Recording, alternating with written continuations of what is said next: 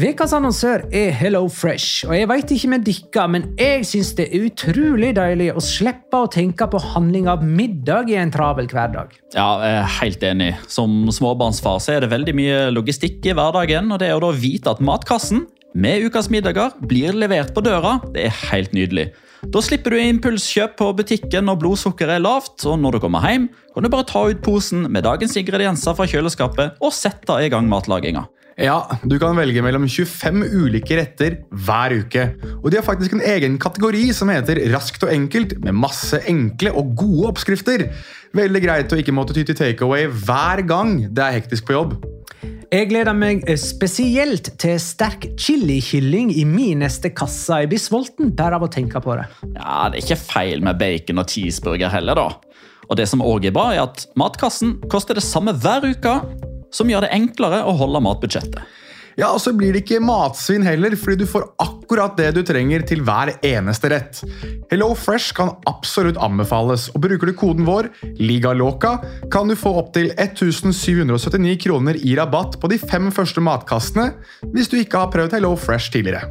Du kan også prøve koden hvis du har avslutta abonnementet ditt for tolv måneder siden eller mer. Gå inn på hellofresh.no og bruk koden LIGALOCA. Bon appétit! Hallo? Jeg kommer fra Oslo politikammer. Ine Jansen er purk. Er du purk? The motherfucking bitch. Alt jeg vil, er å finne ut hva som skjedde med mannen min. Jon Carew. Er jeg sikta for noe? Iben Akeli. Det er du. Ole So, Lars Berrum og Big Daddy Karsten. Hvem sin side er du på, egentlig? Anette Hoff, Tone Danielsen, Kommer du fra Afrika?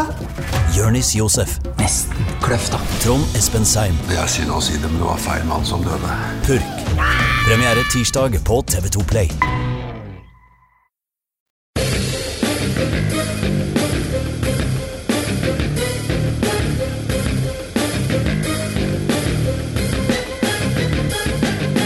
Har du sett? Det er lite som minner om Barcelonas storhetstid om dagen, men de holder nullen på mystisk vis og skårer ett mål gang på gang. Nå har de ei luke på fem poeng ned til Real Madrid, som ikke klarte å skåre på høytflygende Real Suicidal søndag kveld. La liga loca. En litt gærnere fotball.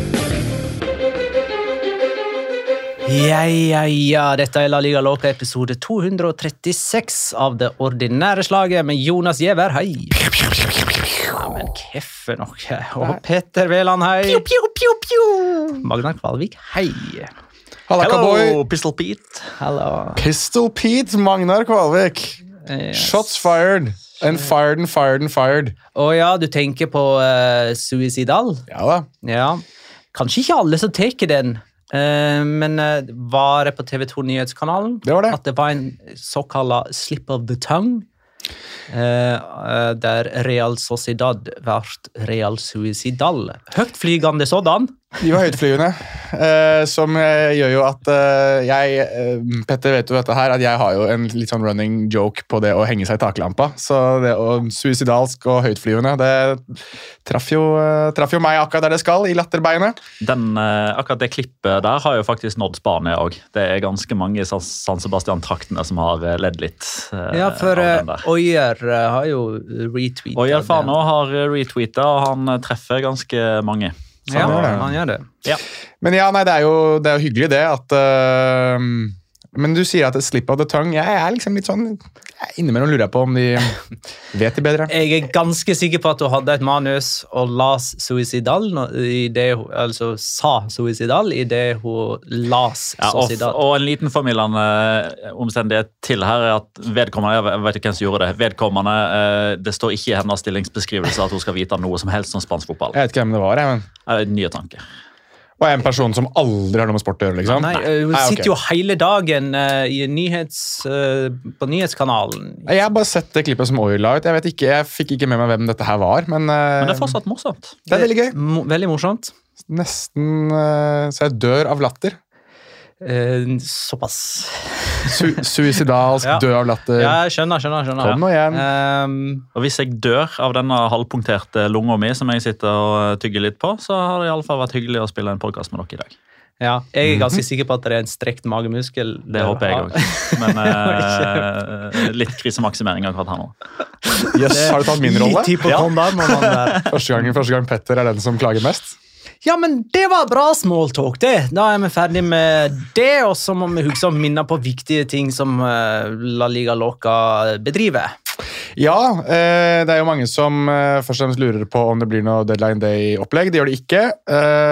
Men vi kan uansett glede våre lyttere med at fra 1. februar til og med 28. februar, altså hele februar måned, så senker vi prisen på, på Patrion for inngang i Discord og artikler og alt annet snacks fra ja, Du får vel det aller meste for 150, men eh, nå får du det for 50 i denne måneden her hvis du skriver deg opp nå.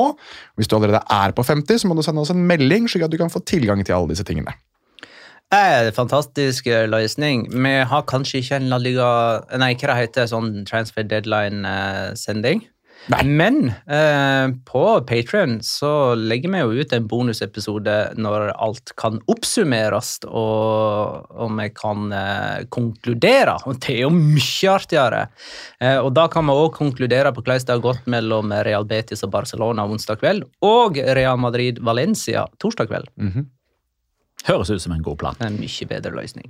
Sånn har vi lagt press på oss selv òg. Da spiller vi den episoden. Det er bra. Men ellers så kan vi jo også nevne at dere er med i hvert deres, hvert deres studio på denne overgangsmarkedets siste dag. Ja, jeg og Petter blir faktisk sånn delvis halvveis egentlig ikke konkurrenter uh, i morgen. Uh, Petter for Viaplay og jeg for Dagbladet.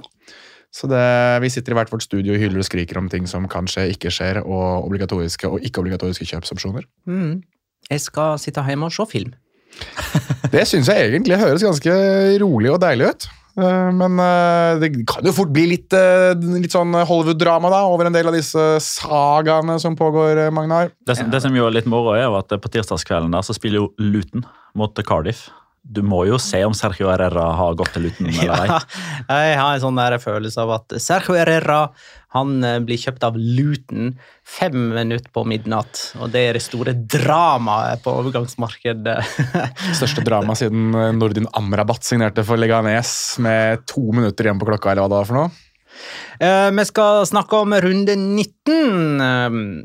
Ah, nesten alle eh, lag i La Liga har spilt 19 seriekamper. Det er fire som ikke har gjort det, og de henter det inn igjen i løpet av denne veka her. Men eh, runde 19 ble i alle fall eh, spilt denne helga. Det starta fredag kveld med Almeria Español, som endte 3-1. Det var den eneste kampen denne helga der begge lag skåra mål. Eh, Cádiz Mallorca endte 2-0. Det var Cádiz sin andre heimeseier for sesongen, men det er ikke nok til å ta dem over nedrykksstreken. De er tredje sist. Sevilla, Sevilla Elche 3-0. Eh, For første gang denne sesongen skåra Sevilla tre mål på heimebane, og Elche fullfører altså første halvdel av sesongen uten en eneste seier. Getafe Real Betis 0-1. Eh, Borja Iglesias eh, matchvinner på straffe for Betis, som får besøk av Barcelona denne veka. Valladolid Valencia 1-0. Eh, Valencia er drømmemotstander for lag i dårlig form. Alle. Valladolid hadde fem strake tap uten skåring før Valencia kom på besøk. Hoppa jeg over Girona-Barcelona? Det gjorde jeg. Den nå gikk jo lørdag. Girona-Barcelona 0-1. Skjønner ikke hvordan jeg klarte å hoppe over den. Den endte 0-1. Pedri matchvinner da Barcelona vant sin tredje 1-0-seier på ei veke. Eh, vi fortsetter med 1-0 og 0-1 og alt det der. Eh, og Sassona Atletico 0-1. Saul faktisk matchvinner med sitt første Atletico-mål på nesten to år. Celta Vigo Atletic 1-0. Iago Aspas matchvinner for Celta Vigo, som er poenget over nedrykksstreken. Og så endelig litt variasjon i resultatet. Real Madrid, Real Sociedad 0-0. Stor kamp av Alex Remiro i eh, Real Suicidal-målet. Han varte opp med et par eh, feberredninger. Skal vi like godt uh, begynne der? Nei, forresten, jeg har litt lyst til å, å oppsummere med at seks av ni kamper var målløse til pause. Eh, samtlige lag på øvre halvdel av tabellen har flere poeng enn mål. Eh, altså Jeg vet ikke hvor oppsiktsvekkende det høres ut, men både i Bundesliga og i Premier League så har de fleste lag på øvre halvdel flere mål enn poeng. Eh, Og dessuten Samtlige lag på nedre halvdel risikerer å være under nedrykksstreken etter neste runde. Ingar H bemerker også det. Eh, Hva tenker dere om at det kun er tre poeng som skiller 18. og 11. plass i La Liga? Er dette et kvalitetstegn eller urovekkende?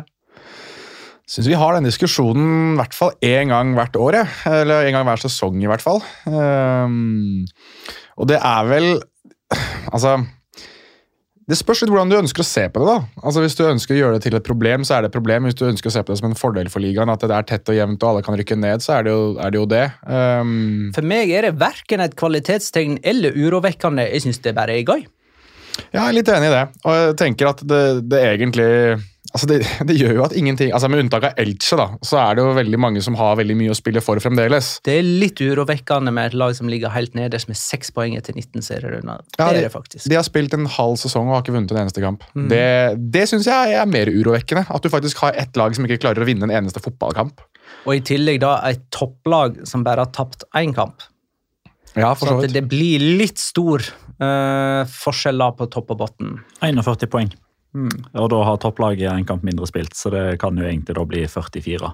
Altså, Jeg har hørt hva dere har sagt nå, og så har jeg hatt en sånn intern diskusjon med deg. Skal jeg være han fyren? Skal jeg være han fyren? Skal jeg være han der? Skal jeg ødelegge fakta? Eller, god en god diskusjon med fakta ender på at jeg ikke skal gjøre det. Så nei.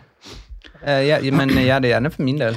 Uh, altså Det er jo fire lag her. Uh, altså Man konkluderer med at fra 11. til 18. så kan alle havne under streken. Det, det medfører jo ikke riktighet, fordi det er to kamper her der to lag møtes, som minst ett lag kommer til å ta poeng. da, Så ja. Almeria, Almeria- kan ikke havne under streken. Alme, ja, og Almeria har dessuten en eh, vesentlig bedre målforskjell enn eh, laget som er på 18.-plass. Jo, men, men allikevel, de ni målene kunne ha, hentet, ha blitt henta inn, så det hadde vært teoretisk mulig. Men i og med at eh, Almeria eh, møter eh, et lag som er Nei, det er mm, Valencia.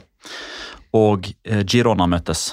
Så og et av de lagene kommer jo til å ta poeng. Så det er ikke mulig for Cádiz å gå forbi alle de som Eh, Men eh, kan ikke Almeria likevel havne under streken da? Hmm. Nei, Hmm. kan ikke det. Nei, Men ufattelig gøy, jeg har jo sagt det mange ganger før. Jeg kan godt si det igjen. Det gøyeste som finnes i fotball, det er ikke toppkamp. Det er ikke kampen om Champions League. Det er bunnstriden. Ja, Det er også en måte å se det på. Jo, men man må se litt sånn på livet når det er 0-0, 1-0, 1-0, 0-1, 1-0, 0-0, og egentlig Vanligvis så ville jeg nå kanskje ha sagt sånn Ja, men skal vi kanskje ta og fokusere litt på at det er vanskelig å skåre mål på gode forsøk Nei, nå er La Liga langt nede, altså. Underholdningsmessig. Nå er det, nå er det litt tungt, altså. Ja, det er litt tungt. Jeg må jo si at jeg syns det er litt gøy at La Liga selv velger å eh, Nå skal ikke vi inn på den kampen nå, men, men jeg kjente at det satt litt langt inne å se Retafe Real Betis klokka ni på en lørdag, altså. Det, det er ikke da Ja. Men skal vi ta din locora med en gang, eh, Jonas? For det er noe som heter Ja. goalball. ja det, som er, det er et konsept jeg ikke har skjønt, men som eh, Basert på uttrykket, da, goalball, eh, antagelig passer dårligere i årets La Liga-sesong enn noen ganger tidligere, med tanke på så få goals. ja, det passer i hvert fall ikke så veldig bra med den serierunden som var nå, og den som var før der. eh, For det har ikke blitt skåret så fryktelig mange mål. Men goalball er jo noe Altså, i denne verden der du skal på en måte ha sånn digitale digital merchandising og NFT-er og piss og møkk, så har jo La Liga blitt enig med dette goalball-opplegget, som da eh, lager Pass på at det her blir riktig. De lager da eh, digitale utgaver av alle scoringene i La Liga. Eh, altså at du kan kjøpe eh, Kall det mål, eller ballen som målet blir skåret med, i digital form. Eh, og Et bilde, altså? Basically et bilde, eh, men samtidig som du kjøper det bildet, så vil du da også være med i trekningen av den faktiske fysiske ballen. Så du kan jo da bruke denne ballen, denne digitale ballen som en emoji, du kan lage eh, grafikker med den. Det er, liksom, det er, meningen at du skal kunne eie en del av målet. Altså, det er helt Så fett! Jeg kødder ikke. Altså, dette, jeg fikk beskjed og, eh, før, og dette kan jeg godt ta, redaksjonsmøte på, eh, på Messenger før dette her, så ba en i dette rommet her meg om å ikke sage La Liga for dette her, fordi vi er i samarbeid med La Liga, og det er helt greit. Men dette her er noe gjøgleri på, på et nivå jeg aldri har sett før.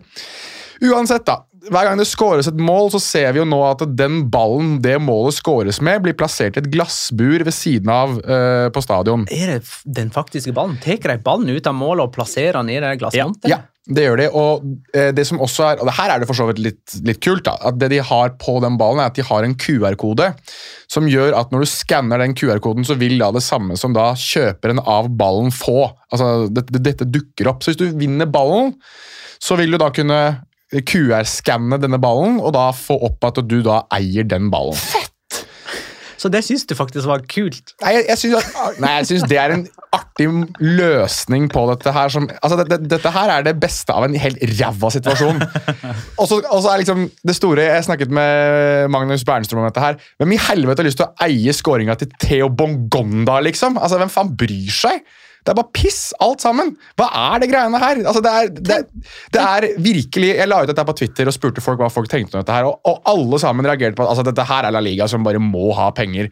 Og Det er vanskelig det er vanskelig å ikke være litt enig i dette her, for dette her er noe helt spinnvilt rare greier.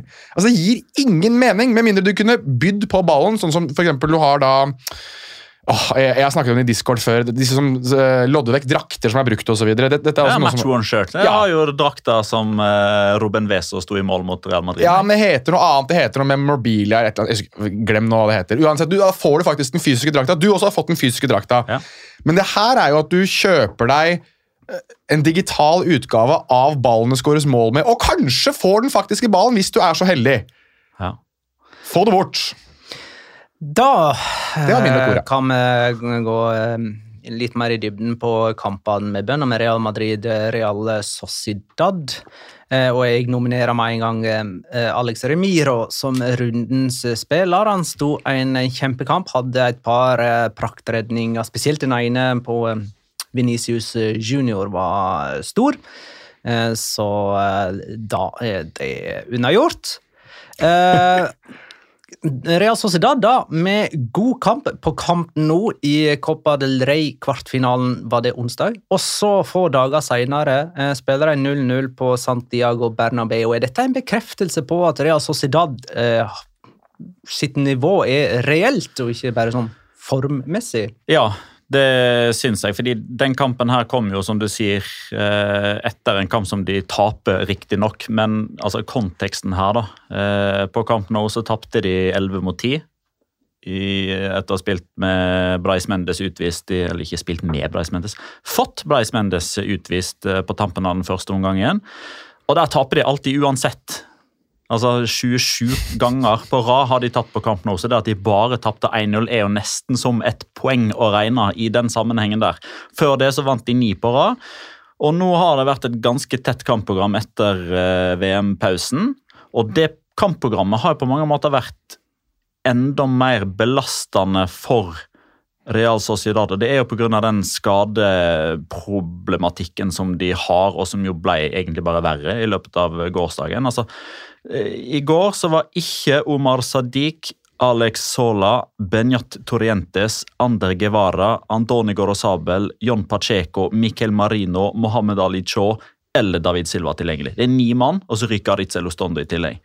Og i enkeltkamper så kan man liksom overleve det. Men dette her har jo, altså fem-seks av disse her har vært ute ganske lenge. Miquel Merino og David Silva er to av de kanskje, kanskje de aller viktigste enkeltspillerne. Eh, Du får en skade underveis som gjør at eh, du må til slutt ned på et fjerdevalg på høyreback. Og det er som sagt enkeltkampene, men det her gjør jo at spillere som Alexander Sørloth, som Takefusa Kobo, som Robin Lenormand, som eh, Martin Subimendi. Det blir mange minutter, mye belastning, som gjør at de får knapt tid til å hente seg inn fra en kamp til en annen. Det gjør at det er veldig mange unge gutter som må inn og prestere på et nivå de kanskje ikke er helt klar for litt oftere og litt for tidlig. Eh, Så det at de tar poeng på 0-0 på Santiago Bernabeu med alle de problemene her, jeg syns det er en kanonprestasjon. Og så har han visstnok noen smerteplager, eh, Alexander Sørloth òg. Ja, han hadde jo den eh, Kneskaden kneskaden eh, som gjorde at han måtte bli bytta ut i Baska-derbyet. Han var jo tvilsom til Baska-derbyet og har blitt tatt av eh, i, i de to siste kampene òg. Ja, Mikkel Ørsabal nettopp tilbake igjen fra en alvorlig kneskade. Hva, men var den kneskaden grunnen til at han ikke strakk foten helt ut når han kunne sette ballen i mål Jeg velger å legge meter? godviljen til å si ja. Ja, for, jeg, altså, for meg så er det der bom på åpen mål, ja. Og da har han altså Du har ei greie for eh, åpne bommer eh, nå. Da har han altså bomma på åpne mål, både på Camp Nou og Santiago Bernabeu i løpet av fire dager. Det, er jo norsk ikke- rekord i- Det er norsk rekord. Norsk Det er rekord en i ny La bom. liga historiene. det. Ja. Ja. Ja, men det, det, det er det herlig. Er det verdt å ta med mm, Skulle Real Madrid hatt en utvisning her i den kampen? Nacho. Skal vi se Ja. Ja, det, Det skulle de. skulle han. Mm. For, fordi Altså uten sammenligning for øvrig, da. Han var litt mer eh, åpenbar den til Imanol Alguacil, men da, må, da måtte jeg le. Når han plutselig var utkledd som José Mourinho på sida der. Når han tok ballen og gjemte han bort og skulle bort og protestere på et eller mens han holdt på ballen. Og Var det en Are you Jose, Are you Jose in disguise? Opplegg fra mm, det var det faktisk. Ja. Mm. Veldig Nei, men jeg syns uh, Veldig sånn eh, ukarakteristisk av Imanal Al-Ghazil. Men men da ser man også noe av det vi snakket om forrige sesong. De bare manglet litt sånn kynisme, manglet altså den erfaringa til Ja. å holde seg der oppe. Mm. Og der har du kanskje Jeg sier ikke at det er prov på at de har klart det nå, men kanskje noe av det de manglet før. da. Det har de kanskje funnet litt grann igjen nå med sånne ting. Eh, Viktor Hallnes lurer på hvor mye er fem poeng å ta igjen i et normalt perspektiv for en klubb som Real Madrid? Litt usikker på hva jeg mente med i et normalt perspektiv, men altså, kom er fem poeng å ta igjen for eh, en klubb som Real Madrid eh, mot eh, Barcelona, da, som altså er fem poeng framfor? Hvor mange poeng det er? Én, to, tre, fire, fem. Det er to kamper som potensielt sett kan svinge det i deres favør. Ja. Ja. Eh, Sånn, takk det- for matteopplæringa. Da var det Nei, jeg tenkte det var bare greit. Jeg har gjort unna. Men eh, det fins flere måter å se dette her på. Altså Fem poeng opp til Barcelona er, det kan være mye. Eh, det kan ikke være så mye. Det spørs jo hvor lenge Marc-André Stegen har bestemt seg for å spise spultringer til alle døgnets tider. Eh, det er jo en sånn Der balanserer de på en knivsegg der de forbløffende ofte havner på riktig side.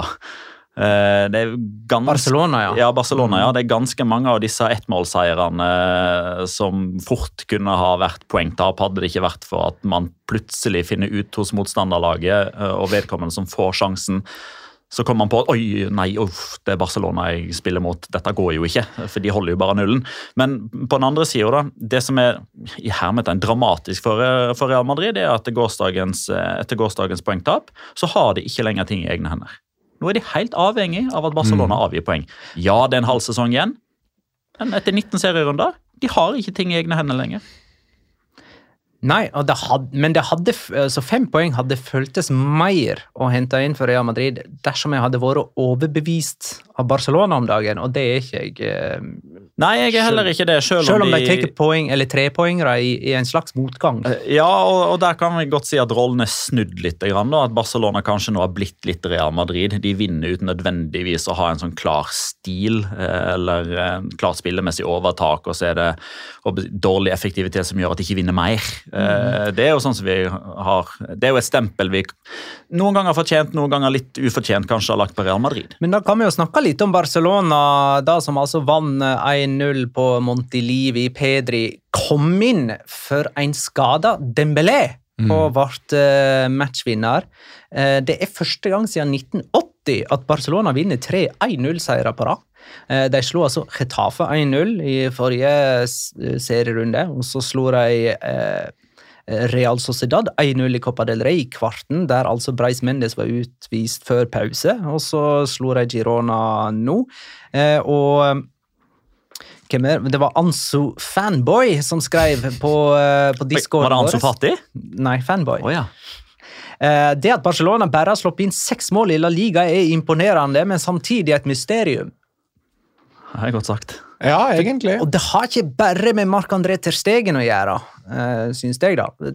Ja, uh, Riktignok var det en Real Sociedad-kampen eh, i, i Copa del Rey, men der satte faktisk Sørloth ballen over mål, et åpent mål. Ja. Eh, og Nå husker jeg ikke hvem det var for Girona her som breisida ballen utafor fra tre meter. Ivan Martin. Nemlig. Ja, den er syk. Hadde, hadde norsk navn, han òg. Det er derfor. Ivan Martin. Ivan Martin er enormt. Og her, skulle, her mener jeg også at det skulle vært en stra, et straffespark i favør Girona. Jeg syns Erik Garcia drar Christian Stuani ned. Ja, altså. Jeg synes Der, der synes jeg det Ja, og greit, da tar jeg locoraen min. Eh, f- eh, og det er kanskje litt sånn tett å ta sånn dommeravgjørelser i en Locora, for det skjer mye rart med dommere og sånne ting. Nå har jeg jo sett uh, hele sesongen og telt meg helt vill på antall feilkast. Eh, jeg blir jo helt gal i hodet. Eh, Det var, det var en, jeg husker ikke hvem det var, med, i Elche, eh, før Elche Det mot var sikkert Carlos Sevilla. Nei, det var ikke, det var ikke Carlos Eller Belton Palacios. Så, uh, hæ? Kan det ha vært Palacios? Eller Det kan ha vært. Det var en som kasta, og så, så løfta den ene foten så høyt at jeg lurte på om han kanskje fikk strekk. Eh, Men feilkast ble det ikke. Altså, man, man gjør ikke dis diskré engang. Man løfter disse føttene når de kaster, eh, bare helt åpenlyst, og det blir aldri dømt på det. Eh, Og det, det samme gjelder med disse nedrivningene i feltet. Men det virker som man ikke trenger å være diskré om det. kan bare slite og kaste spillere i bakken. Du nevnte Garcia. Eh, og så hadde du òg den Le Normand i, mot Rudiger, ja. Rudiger i Real Madrid, eh, Real Sociedad. Denne sesongen så er det faktisk dømt, eh, og nå sier jeg kun, kun seks straffespark for holding. Og det burde vært veldig mange flere. Ja, og nå sitter jeg altså og teller meg helt vill på ekstreme holdninger i feltet. Standarden er satt, det er tydeligvis lov.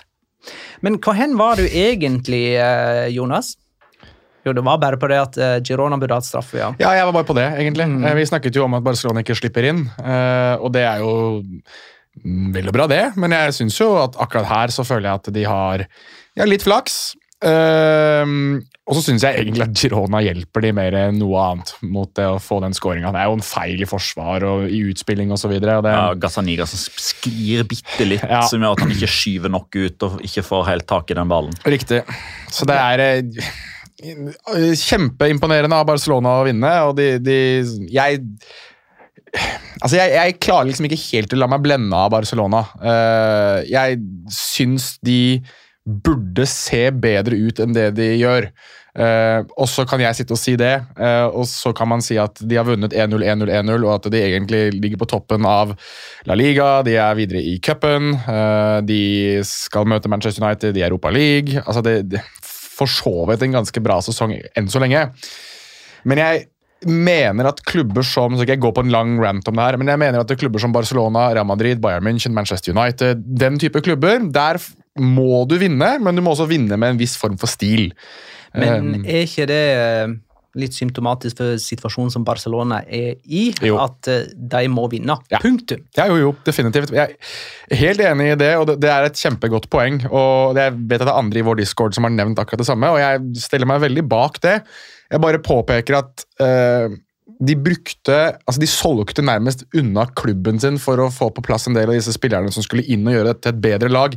De vant mye kamper i fjor òg. Altså, de, de, de lekte seg jo mer av Madrid med Pierre-Emerick Aubameyang liksom, på topp. Altså, Det var ikke sånn at de var dårlige i fjor, men jeg syns ikke jeg ser noen sånn forbedring av Barcelona, egentlig. Jeg syns Real Madrid har blitt et hakk dårligere, f.eks. Ja, man kan kanskje argumentere for at der man i fjor fikk fest, fest, fest, poengtap, fest, fest, så får man nå seier, seier, seier, seier og kanskje en uavgjort, som gjør at poengsnittet blir bedre, muligheten for å vinne titler er bedre. Men Barcelona-fansen blir ikke underholdt i like stor grad. Det er kanskje litt lettere for Barcelona-supportere som eh, er såpass heldige at man kan si at de fortsatt er bortskjemt. For jeg syns den, den åtte-niårsperioden der, den, den varer den varte såpass lenge at etterdønningene av den kommer til å vare ganske lenge òg. men- men dette her er jo poenget med at veldig mange av de, spesielt våre lyttere, og sikkert veldig mange Barcelona-supportere i Norge, ble Barcelona-supportere i den perioden hvor de faktisk vant og vant og vant. og vant, og vant. Jeg husker jo da Frank Rijkaard kom inn og måtte redde det der laget der som holdt på å være helt akterutseilt. og Når han tok med seg hele Nederland. Ja, Det var Louis van Hall som tok med seg hele Nederland, men Da er vi i 2004-2005 nå. Ja, og sånn egentlig så var ikke det eh, Barcelona-laget som vant Champions League i 05, var ikke sånn 06. 06, takk. Eh, 05 var Liverpool. Uh, var ikke sånn supergøy, det heller. Men de hadde Ronaldinho, da. Samuel Eto skåra mål, og så hadde de et helt ok forsvar. Og så var det en ung Iniesta og en ung Chavi og Deco, husker jeg. Ja, du kan jo dra litt paralleller. da. Nå har du en ung Pedri og Gavi. Så har du Lewandowski, som er to. Hvem er Ronaldinho? Vi har ingen Ronaldinho, da. Hvis du skal prøve, Nei, men- du skal prøve å si at Rafinha er Ronaldinho, da Nei, nei, nei. Men at de er i en slags mellomperiode nå, det, Ja. det må jo være lov å si. Og i tillegg så er jo ak akkurat nå i disse dager så er jo programmet ganske tett. Eh, og denne veka så har jeg jo midtvekekamp mot Real Betis på Benito Via Marin, og så tar jeg imot Sevilla hjemme til helge.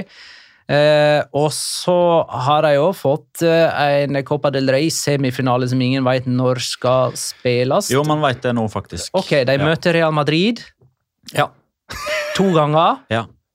Det første, altså akkurat i månedsskiftet februar-mars. Altså, de har bare flytta alt et hakk. Så egentlig så skulle jo første runde bli spilt nå om halvannen uke. Første semifinale. Ja, første semifinale. Men den har de nå bare eksa ut. Og så spiller de den når den andre semifinalen egentlig skulle bli spilt, altså i månedsskiftet februar-mars. Altså 28. februar, 1. mars, 2. mars. Der. Eh, Men i stedet for så blir nå semifinale 2 6., 7., 8. april. Der har de klart å finne ei lita sånn glipe der de kan skvise inn uh, returoppgjøret. Så det er en måned mellom de to semifinalene, da. Ja, det ville nesten ha vært det uansett. Det som, jeg syns jo egentlig dette her er en bedre løsning, for da er det ikke to måneder fra semi til finale, men bare én. Eh, og dette sier mye om hvor tett kampprogrammet kampprogrammet Ja, er. ja. Eh, og, Har vi, har vi nevnt at det er 43 år siden Barcelona sist vant tre offisielle kamper på rad med 1-0? Eh, ja, eh, 1980 nevnte jeg, Ja, eh, og det er riktig. Mm. Det blir 43. Ja. Eh, Jeg er Sterke på matte i dag, altså. eh, og så ble jo Dembélé skada. Han er tvilsom til første møte med Manchester United i uh, Europaligaen, sånn som jeg har forstått det. Ja, jeg tror han er mer enn tvilsom. Eh, Men det har jeg lagt merke til. at når, Der pleier Barcelona-journalistene, og for så vidt Real Madrid-journalistene òg, og der, det- der er det åpenbart at de har god kontakt med det fysiske apparatet i klubbene. At der er en- noe av kilden deres. For de, de treffer veldig ofte på sånn eh, vurdering av hvor lenge man er ute osv. Det er det svært sjelden at klubbene meddeler offentlig. altså Det kommer en parte og så står det at eh, eh, sånn, eh, eh, altså hans tilgjengelighet avhenger av hvordan han heales. Ja. Det er veldig sånn der ublu. Ok, greit, kan være to dager, kan være ute resten av året. altså hva vet jeg. Men her pleier journalistene som sagt å være veldig gode. Men en de alltid sliter med å være liksom treffsikker på når han er tilbake igjen, det er Osman Dembélé. For jeg har sett tre uker. Jeg har sett rekke sannsynligvis første kamp. Jeg har sett målet er å nå El Clásico i mars, og jeg har sett kan være ute resten av sesongen. Fra fire forskjellige journalister. Og Fran Martinez på Twitter eh, har telt antall kamper Dembélé har mista pga. skade, og det er 102. I løpet av hele karrieren sin, eller bare Barcelona? Eh, Barcelona Ja. Oi, wow. Ja, ikke sant? Da kommer det opp på minst 106 denne gangen. Mm. Eh, Nei, men uh, Ja. men igjen for, for, for, Bare for å sette Barcelona sin første halvdel i uh, Greit, de mangla én kamp, da, men uh, Pedro Martin Pedrito Numeros hadde jo en oversikt over lagene som har tatt flest poeng i La Liga etter 18 serierunder de siste ti årene. Og de siste ti årene er jo gullperioden til Real Madrid og Barcelona. Greit, eh, 11 og 12 år siden så var de jo veldig gode. men det er kun da Barcelona sjøl i 2013-2014 og i 2017-2018, samt Atletico Madrid i 2013-2014, da de vant gull, som har tatt flere poeng enn Barcelona på nåværende tidspunkt. Det vil altså si at etter 18 kamper post Palancas, krise, økonomisk eh, kjeltringskap og president eh, Baluba. Baluba og alt mulig Flere poeng enn hva Real Madrid har hatt på dette tidspunktet av en sesong de siste ti årene. Det syns jeg de skal ha en liten tommel opp for. ja. En liten en. En liten en, Vi men nevnte altså at Real Madrid og Barcelona møtes i den ene Copa del Rey-semifinalen. Det blir også Sona Athletic Club da i den andre. La oss eh, snakke litt nedrykksstrid i eh, La Liga nå. Valencia tapte 1-0 for eh, Valladolid. Ehm, skal vi se, Chris Robin Eriksen skriver Dere må ikke snakke om Valencia, men gjør det gjerne likevel. Uh, Rune Kristiansen skriver Hei, digg Og jeg liker veldig godt at han åpna tweeten sin med hei. Hei. Hei. Hei. Eh, digga podden deres. Liker den nå. Takk, takk, takk. Ikke Mange takk. verst eh, åpning på en tweet. Eh, men nå må Jonas ta opp hva som er feil med Valencia om dagen. Gattusso vekk og byttes ut med en tysker ved navn Thomas Tuchel. Etter Ja. Lim ut. så da har vel egentlig han eh, Rune gitt svar på spørsmålet sjøl. Eller Ja, han har jo egentlig det. Eh, med ganske klare oppfordringer, i alle fall. det der er jo utopi, da. Det må sies. Eh, Kan eh, problemet til Valencia være at de ikke gjør som Valladolid, altså finner spillere på markedet som kan gå rett inn på laget med avgjørende involveringer, sånn som eh, målgivende og scoring fra f.eks. Kyle Larin og Darwin Machis i denne kampen? Ja, det er jo Hadde det vært så enkelt, så hadde det jo, hadde jo sikkert Valencia også på en eller annen merkelig måte klart å få det til, men, men ehm, Altså, der veldig mye av problemet til Valencia ligger, er eh, økonomien deres, enkelt og greit. Altså, det er kjempeenkelt å si at de får ikke lov til å kjøpe spillere, eller de, de bruker ikke penger på å kjøpe spillere, men, men når du liksom prøver å finne billige løsninger på veldig store problemer hele tiden, gang etter gang, år etter år, så er det til slutt litt sånn du legger bandasje over det som er et ganske stort, åpent, blødende kjøttsår. Og det har gått infeksjon i det kjøttsåret nå, og den infeksjonen har begynt å spre seg veldig. Det er det som har skjedd med Valencia, og det er det vi ser resultatet av nå. Og, og General Gattuso, meg bekjent, er ingen kvalifisert lege, så han kommer ikke til å få dette kjøttsåret til å slutte å um, ha infeksjon all over the place. Selv om han prøver, og jeg, man ser at han forsøker, nå har han liksom gått på akkord med seg selv, vekk fra 4-3-3 til 4-4-2. Eh, han liksom prøv, han prøver ulike ting. Mosquera inn på høyre bekk. Han har flyttet Tony Lato opp som indreløper. Ja, det har noe å gjøre med skader, men det har også noe å gjøre med at Valencia rett og slett bare altså Gode råd er virkelig dyre nå for, for Valencia. Virker nesten litt apatiske. Ja, og, og publikum på Mestalla var framme med de hvite tørklærne nå forrige serierunde. altså at Vi har ut treneren. Du har nå hatt supportere som har konfrontert altså borte, Valencia, Tilreisende Valencia-supportere på eh, José Soria som konfronterte spillerne og trenerteam og så etter kampen med at nå var de lei, og Gattuso som prøvde å forklare seg. Spillere som sa unnskyld. Altså det, er en, det er en stemning nå som er ekstremt ræva, og som ikke jeg kan huske være så ille på ganske mange år. Um, men, men det er liksom én konstant i Valencia, og det er en konstant som har vært der i over et tiår, og det er Peter Lim. Og det, det er han som til syvende og sist um, er den som kan få bukt med dette problemet med én, å investere mer penger. Det vil han ikke. Eller nummer to, selge klubben. og Det vil han heller ikke. Og Da ser han klubben sakte, men sikkert falle og, og råtne opp i enda større grad enn det det allerede har gjort. Og så er det snakk om eh, nå, jeg vet ikke hvor mye hold det er i rykten, men at eh, noen ser på dette her regnskapet som Valencia og Barcelona hadde i den Neto Jasper Sillesen-avtalen for eh, noen år siden. Det er en samme type mistanke der som eh, nå har ført at Juventus blir eh, trukket 15 poeng i Serie A. Er det da man i så tilfelle skal si seint, men godt? Og er det da man skal begynne å lure på om det er samme folkene som hadde ansvaret for Follobanen her? Altså skal, skal den bli granska i 2025? sånn, eh, Da, eller, altså, det, var jo, det var jo så åpenbart Det allerede var da. så åpenbart! Vi satt og snakka om det her! Mm. Hvordan den avtalen bare var gjort for å, å komme seg dukka unna financial fair play. Ja, og det var kun sminking av regnskap. Ja, og Det som kommer til å skje der hvis, hvis dette kommer opp, er jo det at det nåværende styret eh, med Lehun istedenfor kommer til å si at det var tidligere styre med Anel Murti. Han er jo ikke lenger der. Eh, det samme kommer helt sikkert eh, Barcelona til å gjøre. Både med den Pjanic-Arthur-dealen og med Sillesen og Neto-dealen kommer de til å si at det var tidligere styre. Det har ikke vi noe ansvar for. Nei, Men klubbene kan allikevel bli straffa. Det Ja. burde de mest sannsynlig også, eh, med tanke på hvor tydelig miksing og triksing det var med tall. Men samtidig, altså hva forventer vi? Forvent, altså, dette kommer ikke til å skje i sesong. Men, det, kan, det, kan godt være at Valencia må starte med poengtrekk. Kanskje Ja, men Barcelona se på. Juventus nå, da. Jo, men Italia altså det, I Italia så er de jævlig harde på dette her. Ja, Bang med ja, en gang. Ja, ja, det er sant, og det fins individuelle, individuelle regler eh, fra, snakker- fra liga til liga. Vi snakker om nasjonen der manjana manjana er et begrep. altså. Ja, ja, def definitivt, men det som også er litt interessant, som også kanskje er et lite bakteppe her, er jo måten Uefa har tenkt å, å endre litt på Financial Fair Play-regelverket nå, med at man i løpet av en treårsperiode nå skal gå fra å håper jeg, kunne bruke alle inntekter på spillerstall til at det om tre år skal være 70, der det er trappetrinsmodell 190, 80, 70. Og Klarer man ikke å forholde seg til det, så er bl.a. poengtrekk underveis i sesongen en mulig sanksjon. Um, vi får se. Ja, det var ingen Fresneda i troppen til Valladolid. Ingen Fresneda. Men han har visst bestemt seg for å bli værende. Så, Det var rapportert eh, av Guillermo Rai. Fra, han er vel mer The Athletic nå enn noe annet. Men, men eh, altså eh, For de som ikke har hørt bonusepisoden vår, så er altså Fresneda en ettertrakta 18 år gammel høyreback. Eh, og mistanken om at eh, Men så på, men så inne på økonomisk fiksing og triksing.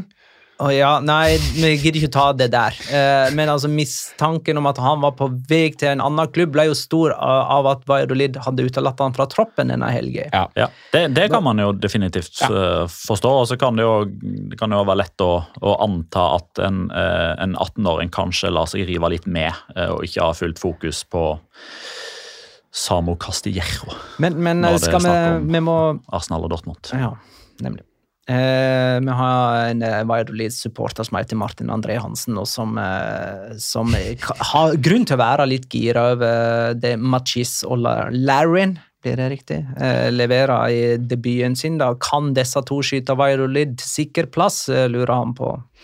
Så jeg synes at altså, Dari Machis har jo vært en liten luring i La Liga ganske mange år, spesielt i Granada. Jeg syns han var god der. Ja, altså, Sånn ordentlig god. Han og Jan- Herrera. Det tenkte jeg er en god signering. Kjempesignering. Da har du, men da har du en spiller som har noen helt sinnssyke topper, og kommer liksom til å ha kanskje to skåringer og en assist i samme kamp, og så har han kamper hvor du ikke ser han i det hele tatt. Og Det er helt greit for en klubb som ligger på 17.-plass. Uh, Kyle Larin er, altså han er jo tidenes toppskårer på det canadiske landslaget. da. Det betyr jo at det er i hvert fall en type som vet å finne målet. Han vet hvor målet står, i motsetning til Sergi Guardiola. Ja, og I motsetning til Sean Weissmann. Jeg satt jo egentlig og venta på at han skulle score her. For det hadde jo vært så typisk at når han scorer og gjør alle feiringer i hele verden, så er det mot Valencia. Men du skal, han kan faktisk bli en sånn der deadline day-variant. Ja, til Granada. Ja. Ja, jeg fikk det med meg. For da, ja, da har du jo så tilfelle én mann som går den veien, da, mens har riktignok Darwin eh, Mac Cheese vært et sted imellom, men han var jo også tidligere i Granada, så nå var jeg, var jeg, var jeg der litt.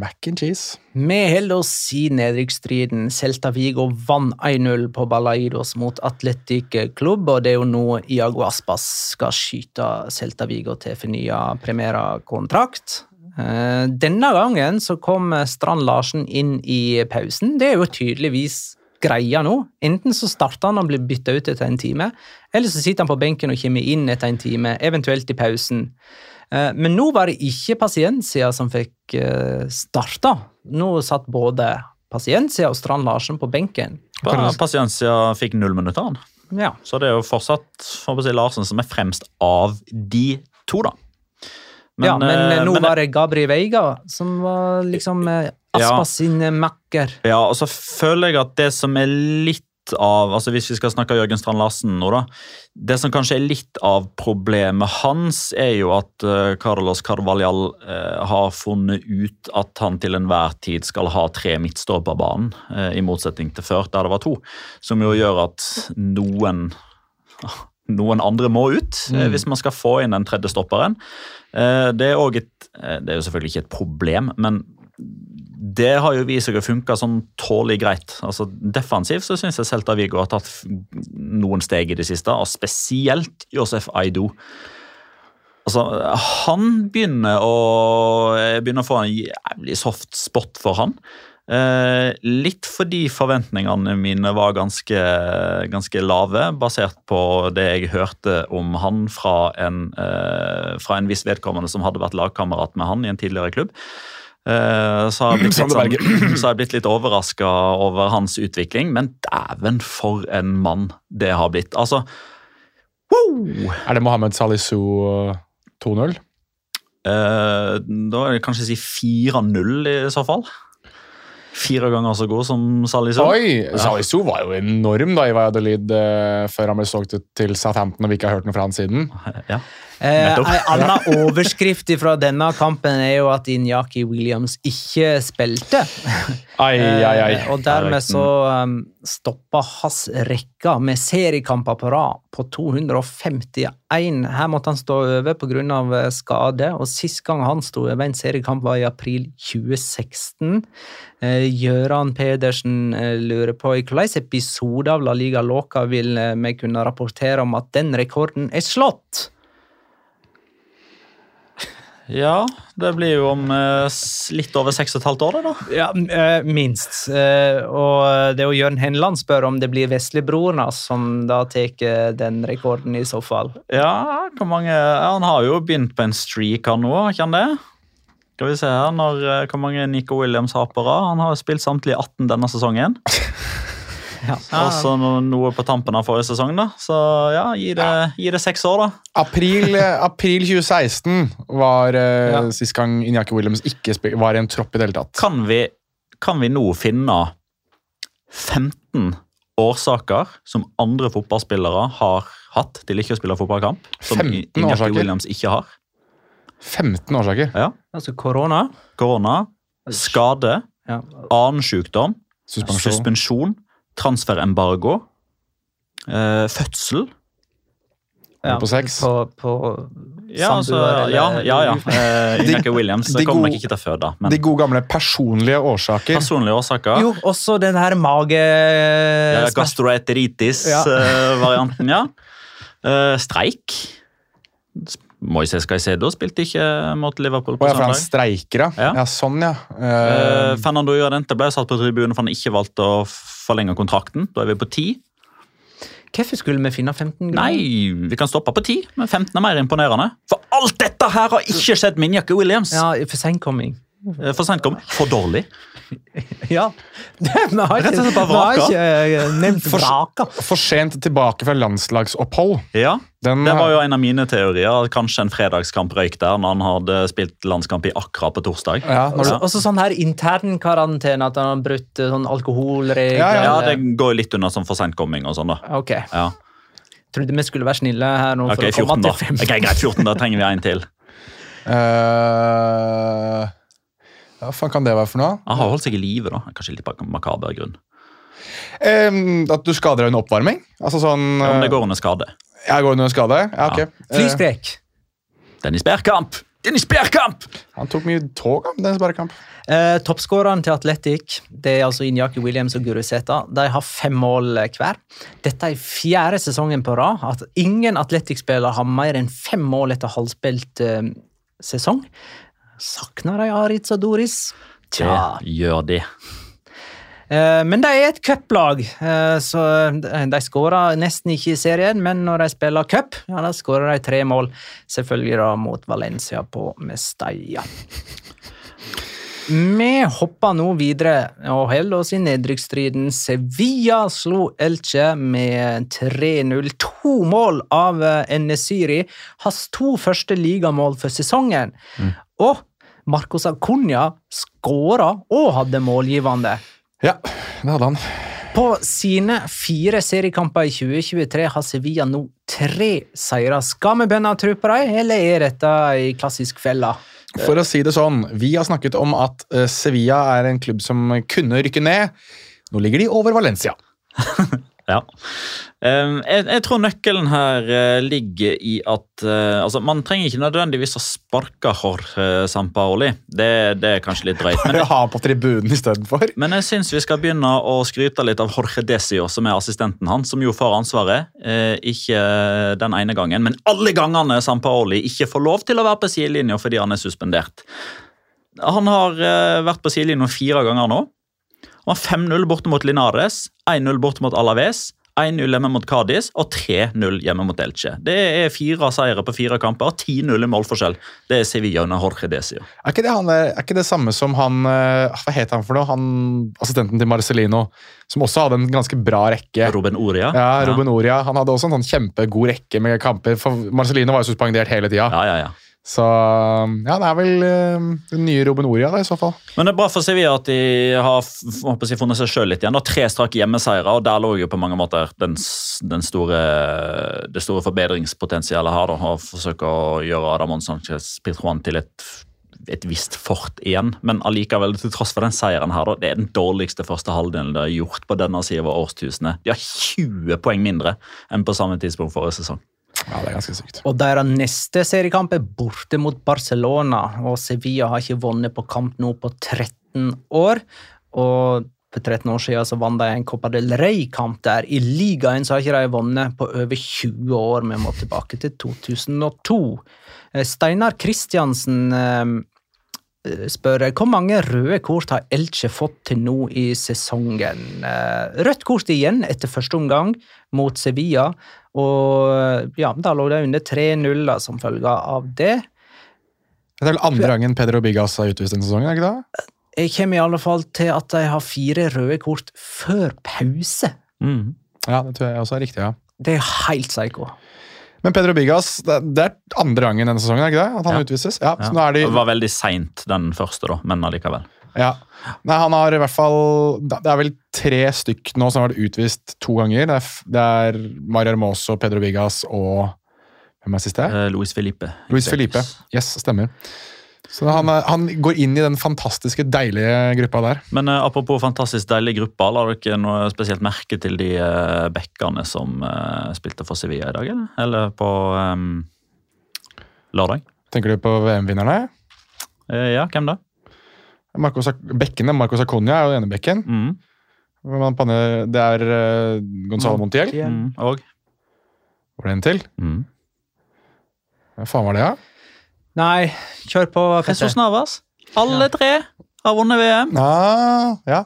ja, nei, den er bra. Den er bra. Det er et godt quiz-spørsmål.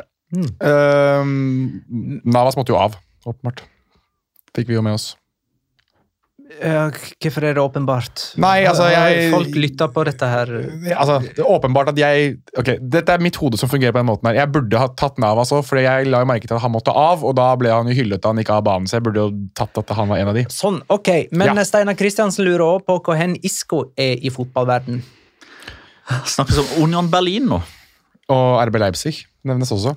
Snakk om eh, Altså, det der er sånn klubbvalgvarianten av Everton, som skal ha enten Sean Dyche, eller skulle ha enten Sean Dyche eller Marcelo Bielsa. Diametralt forskjellig. Union Berlin eller RB Leipzig. Jeg liker for øvrig at han har gjort om Instagram-profilen sin til veldig sånn Malaga-inspirert nå. Han har byttet profilbildet sitt på Instagram til han i Malaga-drakt. Sånn, altså sånn fra da han spilte i Malaga. Det var storhetstiden, det. Det var det. Ja, ja, så hadde han vel et par gode Real Madrid-sesonger, skal sies. Jeg ville jo tenkt at eh, hvis du ikke skal sette ryktebørsen i gang, så legger du i hvert fall ikke ut det. Da legger du kanskje ut deg selv i Men Spania-drakt. det eller noe hadde vært rått, da. Isco tilbake for å redde Malaga. Helt enig. Eh, men har vi en rundens spillernominasjon fra Sevilla Elche? Ja, Det er Marco Saconia. Ehm, og det har litt å gjøre med at jeg, jeg syns her er han ordentlig rå. Altså, Der får Marco Saconia lov til å være litt sånn villbass ute på sin bekk, der han kjører på gang etter gang etter gang nedover. og Innlegget til NSiri er jo Altså, det er så nydelig. Det er skrudd perfekt inn, og det er et sånt innlegg som kun en Syri nok i La Liga klarer å nå. Eh, fantastisk bra innlegg.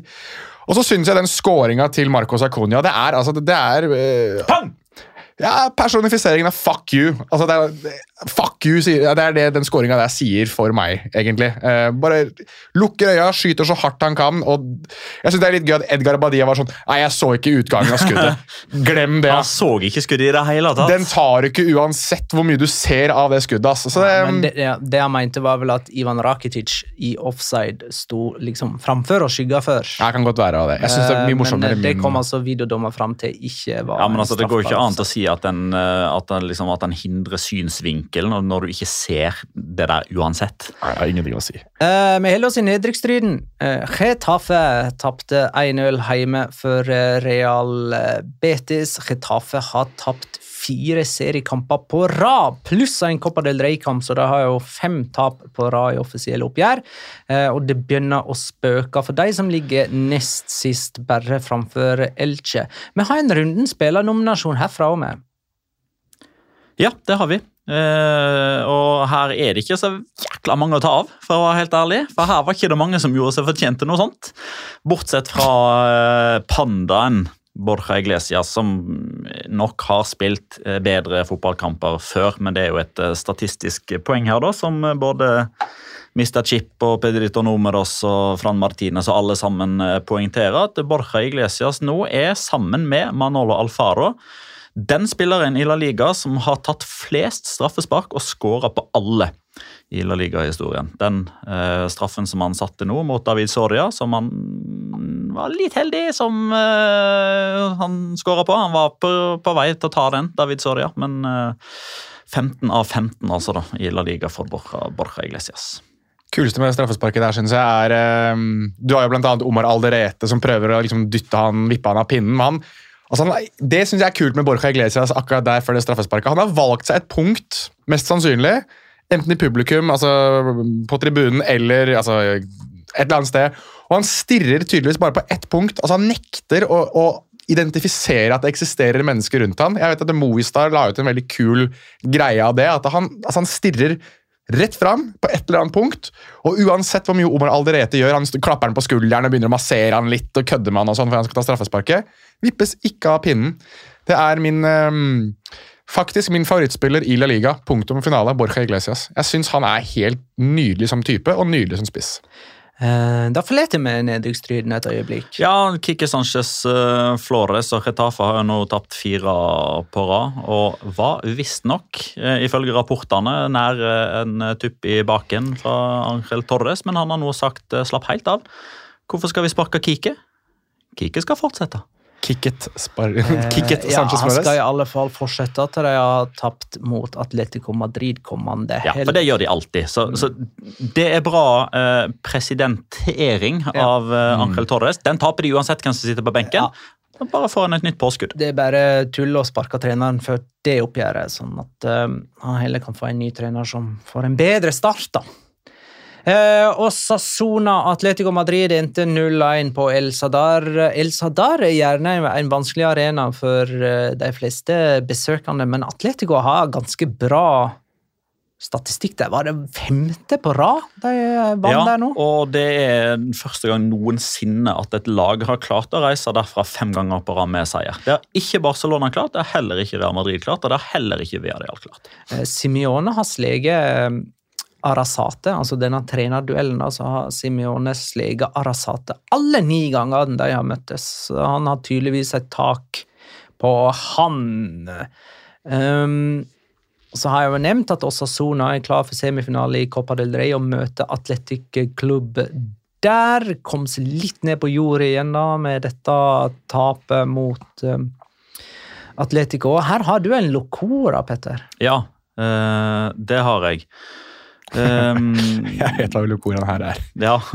Uh, Saul Niges uh, han uh, fant jo veien til nettmaskene igjen, og som du korrekt påpekte, Magna, så er jo det første Atletico Madrid-skåringa hans på nesten Eller på, ja, på nesten to år, altså 31.1.2021.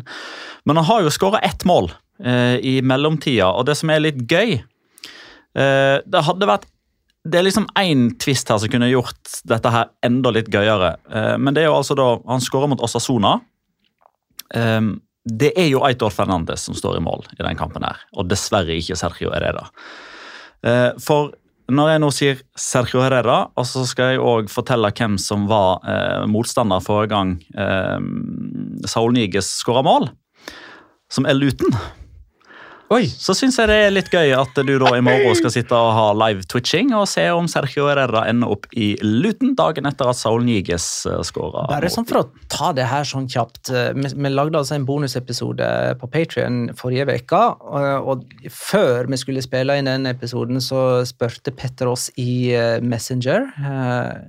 Hvilke aktuelle overganger er det vi, vi må ta opp. av, ja, Om det var noen flere som var på vei til England? Ja, La Liga-spillere som var på vei til England England. og Da kom jeg med en sånn håpefull melding om at Sergio Herrera uh, skulle hentes til Luton. Ja. Uh, og Derfor har den uh, Luton-greia kommet opp et par ganger nå i denne episoden. her. Der har du konteksten. Jeg tror du er best i verden på å sette kontekst. Det ble det, Ja, i hvert fall. det, det er seint, men godt, da, i så fall. For eh, Jo, jo.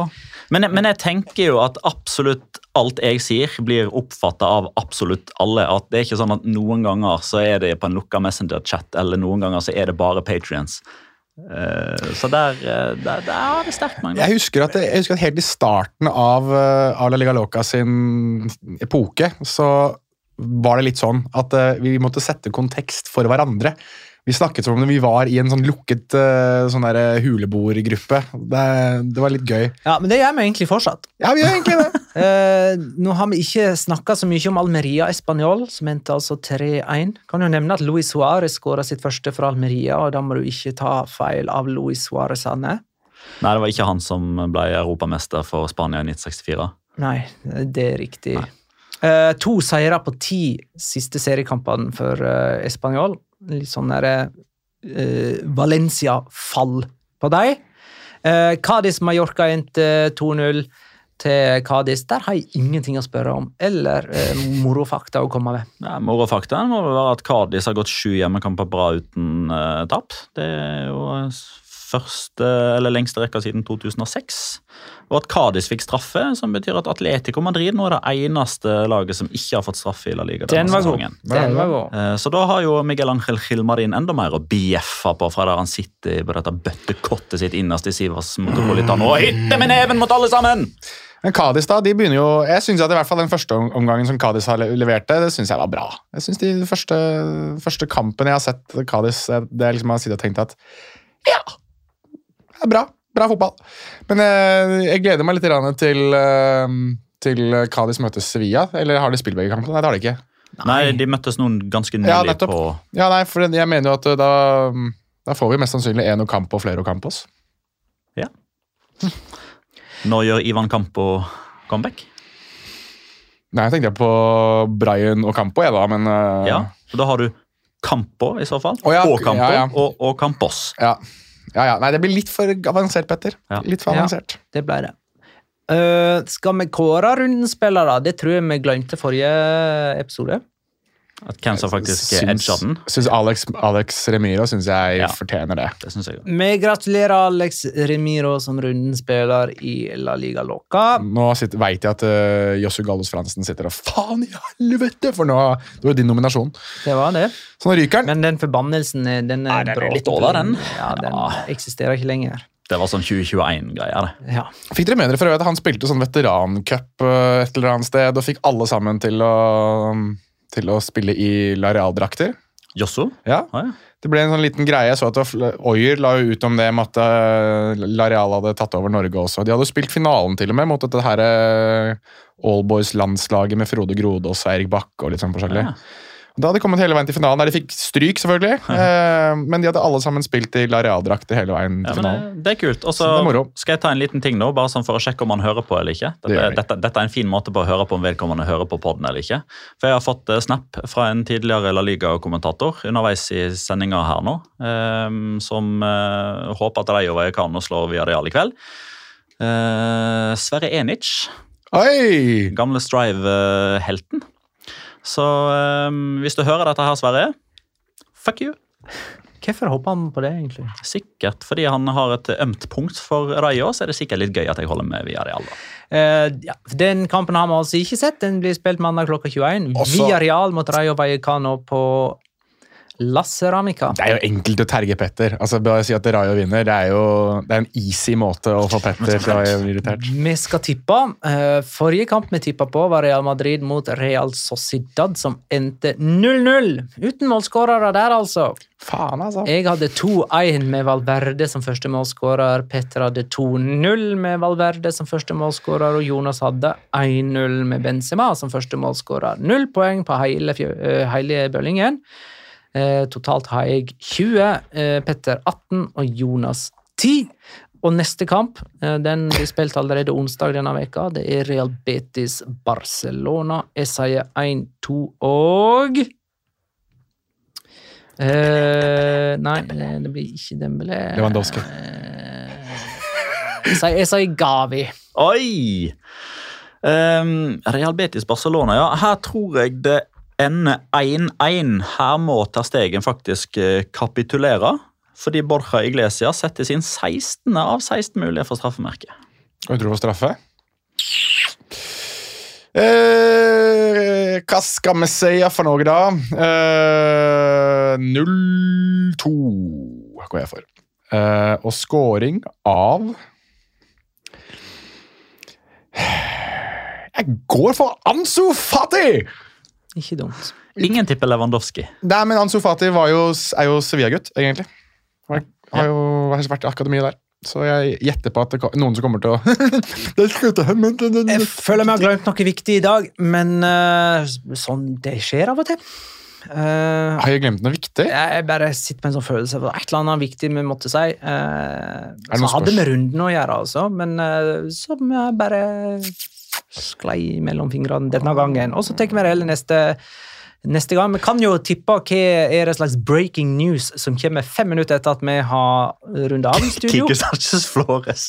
Kiki Sanchez Flores sparka. Saul til Valencia tipper jeg eh, kommer eh, på lån. Ja, og så Ivan Fresneda til Dortmund og leid tilbake inn ut sesongen. All right. Ja, ja, ja, ja, ja. Bare for å ha skutt inn til de som ikke har fått det med seg. Brian Hill. Du må jo være glad for det, Magna, til eh, Sevilla. Er den bekrefta? Han er i Sevilla nå. har vi Eh, tatt det var var han eh, Rein Adelaide òg. Jo, men, men så Reine Adeleide han, han hadde jo skader. Han, det er jo enda Ja, en men det er jo en annen en som er der òg. Papegøye? Ja. papegøye. ja. Ja, Det han var, er gøy. der. det var gøy. Ok, takk for at du lytta, kjære lytter. Ha det, da.